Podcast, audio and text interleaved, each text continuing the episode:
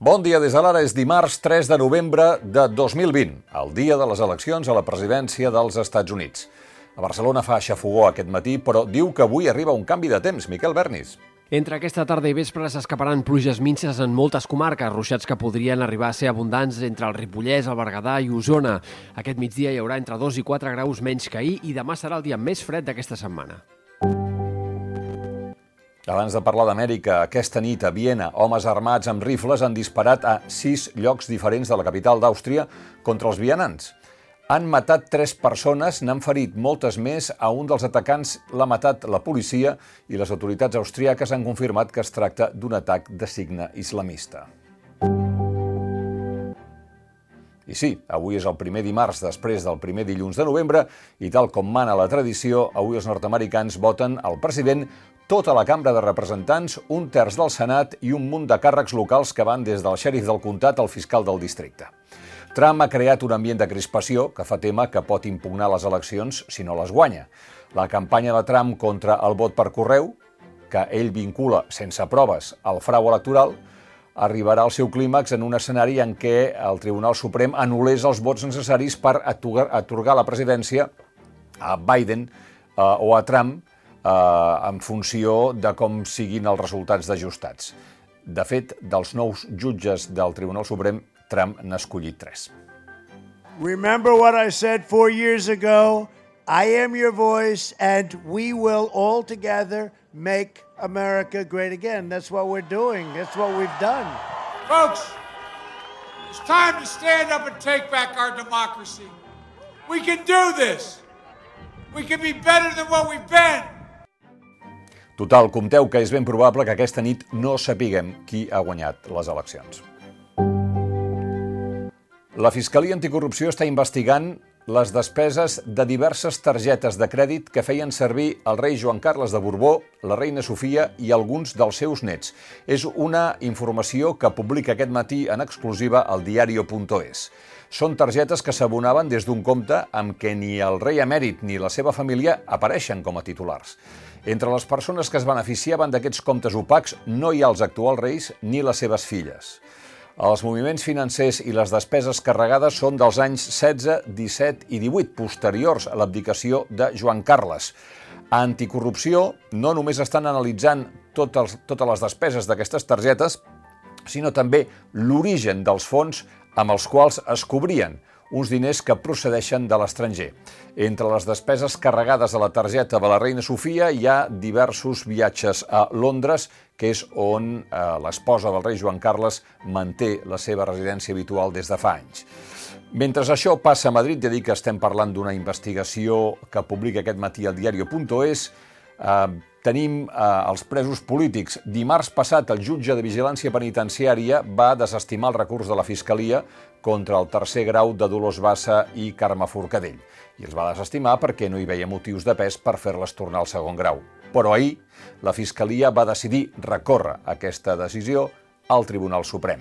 La Fiscalia va demanar, a més a més, que se suspengui immediatament el tercer grau mentre el Suprem delibera la qüestió i per això Forcadell i Bassa hauran de tornar al segon grau i no podran sortir a treballar eh, o sortir els caps de setmana, com ja va passar el juliol amb els presos de Lledoners. En el cas de Bassa, per exemple, la Fiscalia diu que en la seva última paraula davant el Tribunal Suprem, quan li van preguntar si volia afegir alguna cosa més, va dir eh, que va negar que els eh, fets comesos fossin delicte i va declarar la seva innocència. Bueno, fan servir això. Eh, I també defineixen com a falta de modificació d'aquells trets de la personalitat relacionats amb l'activitat delictiva, el que considera que cap de les dues internes ha fet prou actes de contricció des de que van entrar a la presó. Mentrestant, ahir des de Lledoners, el dia que feia 3 anys que eren a la presó, Oriol Junqueras va defensar que, malgrat tot, continuï el diàleg entre els governs espanyol i català. La nostra responsabilitat està en no renunciar mai a parlar amb tothom i a dialogar amb tothom i precisament allò que atorga mèrit a ser conseqüent i a ser fidel a aquest principi de parlar amb tothom és que odiem aquells que de manera més mm, dura i de manera més cruel patim una repressió injusta. Doncs sí, Nosaltres, els que patim una repressió més injusta, som els que diem que s'ha de parlar amb tothom. El PDeCAT va triar ahir Àngels Chacón com a candidata a la presidència de la Generalitat per una llista del partit del PDeCAT en solitari. La primera entrevista la va concedir a l'Ara. Assolir la independència és, eh, és com ara eh, voler agafar un ascensor que no funciona i per arribar a la independència haurem de pujar tots els, a tots els graons de les escales. Mm? Qui ens vulgui fer veure que ho assolirem de manera ràpida i immediata, jo crec que està enganyant eh, a la gent. I mentrestant, Junts per Catalunya acorda que els militants triïn el candidat efectiu. El president a l'exili Carles Puigdemont encara ha de definir el seu paper a la candidatura. Laura Borràs, Damià Calvet i Ramon Tremós es perfilen com a candidats a les primàries. Un apunt de política encara, el Consell de Ministres aprovarà avui el Reial Decret que regula la publicitat sobre el joc i les apostes. Prohibirà fins al 90% dels anuncis eh, de l'assumpte, els restringirà a l'horari de matinada i no permetrà que es publiciti en roba esportiva. I el virus. Les restriccions frenen els contagis, això ja ho comentàvem ahir, però de moment no els ingressos. En aquests moments, a Catalunya, hi ha 481 llits d'UCI ocupats pel virus i el govern tem arribar aviat als 900 llits, eh, gairebé el doble. Salut ha reactivat la contractació d'estudiants de Medicina i Infermeria d'últim curs per reforçar els hospitals. Vindrà un confinament a casa? Sentim el ministre Illa i la consellera Vergés. Hem de tenir un punt de tampança en, en saber esperar mm, el temps necessari per poder veure els efectes de les mesures molt dràstiques, en molts casos, que s'han pres a diferents territoris, no?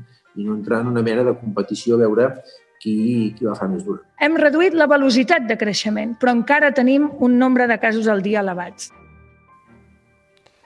I pel que fa a les conseqüències econòmiques de la pandèmia, un de cada quatre joves de Barcelona ha tingut dificultats per pagar el pis eh, un 3% ha hagut de tornar a casa els pares o d'un familiar i un altre 3% o ha canviat de pis o, o han anat eh, un altre de pitjor i l'ha hagut de començar a compartir.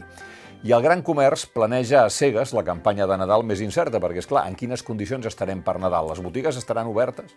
Per això el comerç busca esponjar les vendes des del novembre mateix amb el Black Friday i el Cyber Monday per evitar problemes logístics.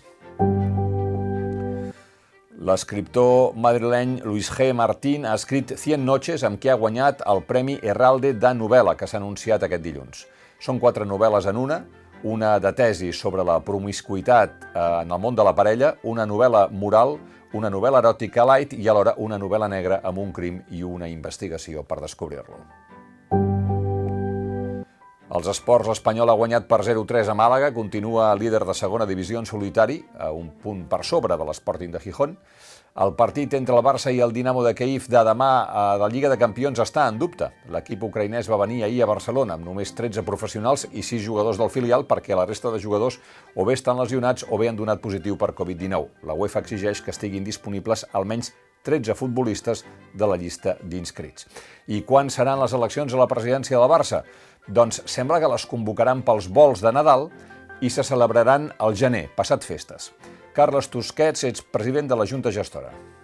Les convoquem al voltant de les festes de Nadal. Podem promoure la votació per correu, per correu no electrònic. Eh? També per completar, si no, si, per completar la, la, la facilitat de poder o accedir presencialment o això. Posem tots els mitjans possibles. En aquesta afirmació hi ha un error, perquè el vot electrònic en efecte no està previst pels estatuts del club ni per la llei de l'esport, però tampoc estan els estatuts del club al vot per correu. Per tant, les dues coses a hores d'ara són il·legals. S'hauran de posar d'acord per veure quina fan per, en efecte, facilitar la participació en un context de pandèmia que podria castigar la presència davant de les urnes dels socis del Barça en general i dels més grans en particular. Fins aquí les claus del dia. Tornarem amb l'anàlisi de l'actualitat d'aquí uns minuts.